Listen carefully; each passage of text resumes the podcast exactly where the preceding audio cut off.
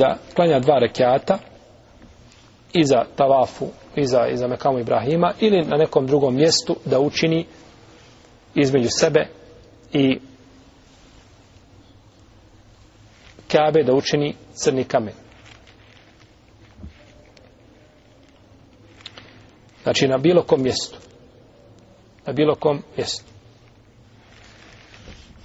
Zadnji put kada sam bio na hađu, ušao sam na Tavafu, na trećem spratu gore. Kada sam ušao na tavaf, na prvom krugu molio sam Allaha da sretnem svoga šeha. Ebu Ubejdu Mešur ibn Hasan al Salman. I krenuo sam kada sam završio tavaf, a nisam opće znao, znači da je on na hađu. Nisam znao. Kada sam završio tavaf, našao sam, otišao sam da klanjam dva rekiata iza a, znači Mekamu Ibrahima, ali na trećem spratu gore. Da bude Mekamu Ibrahima između mene i Kabe. Kada sam došao na to mjesto da klanjam, kad šeh završava namaz. Hafidu Allahu Teala.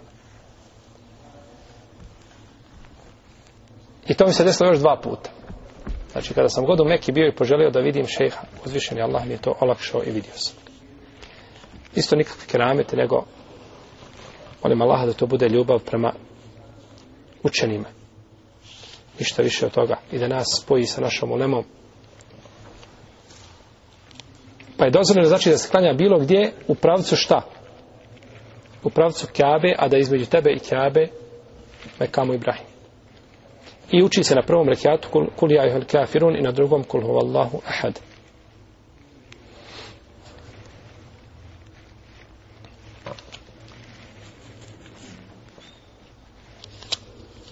I ovo je sunnet kod džumhura u Leme.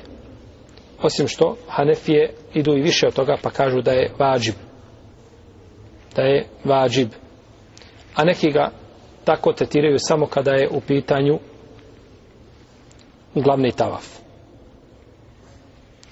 Kod Šafija i Hanbelija ko bi klanjao farz nakon završio sedmi krug i uči kamet. I ti staneš na farzu i klanja završio, klanjao se farz, kažu spada šta? Obaveza ova dva rekiata.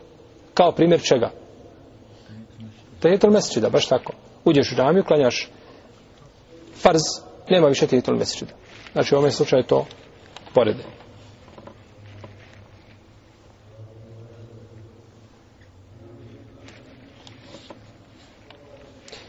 Ova dva rekiata je dozvoljeno klanjati u bilo koje vrijeme čak i u vrijeme zabrane. Jer je došlo u hadisu da je poslanik sallallahu rekao o Benu Abdimenaf, nemojte, kaže, spriječavati nikoga ko tavafi oko Kjabe u bilo koje doba dana ili noći da nakon toga klanja dva rekiata.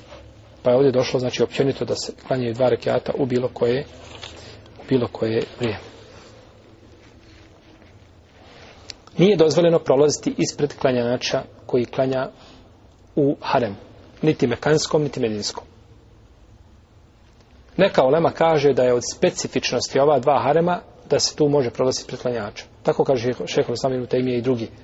Kažu specifičnosti mekanskog harema jeste da se može isprolasiti preklanjač. No međutim, nema nikakvog argumenta koji ukazuje na to. Nasuprot argumenti kod Abdurazaka, od Anesa i od drugi, spominjali smo i tamo u, u poglavlju pregrade u namazu, kad smo govorili u izu namazu, poglavlju pregrade smo spominjali sutre, te predaje koje ukazuju da su ashabi čak i u haremu uzimali sebi pregrade i da nema nikakvog argumenta koji bi ukazao da je Meka po ome pitanju specifično da se razlikuje šta od drugih džamija. Jeste teže, jeste ovaj koje je bio jako teško će vidjeti, no međutim ovaj ja sam slušao neke naše šejhove da kažu bio sam na hadžu, ne znam ni ja šta sam puta, kaže nikada nisam prošao ispred klanjača i nikada nije prošao niko ispred mene dok sam klanjao to kad slušate ko je bio na hađu, kazaći to je nemoguće. To je skoro pa nemoguće. No međutim, braćo, sve što čovjek hoće i kada je ustrajan u, u, u, u praktikovanju sunneta, uzvišen je Allah mu to olakša. No međutim, kada si ti sam po sebi, ti ideš, ba, ja ću izbjegavati ako mogu, ako ne mogu, ja ću proći, to me briga. Tada ćeš ti prolaziti preko ljanča. No međutim, ko čvrsto odluči, sve što čvrsto odlučiš radi Allaha azuđel da, da učiniš, to će ti uzvišen je Allah azuđel olakšati. To će ti uzvišen je Allah te bak, te olakšati.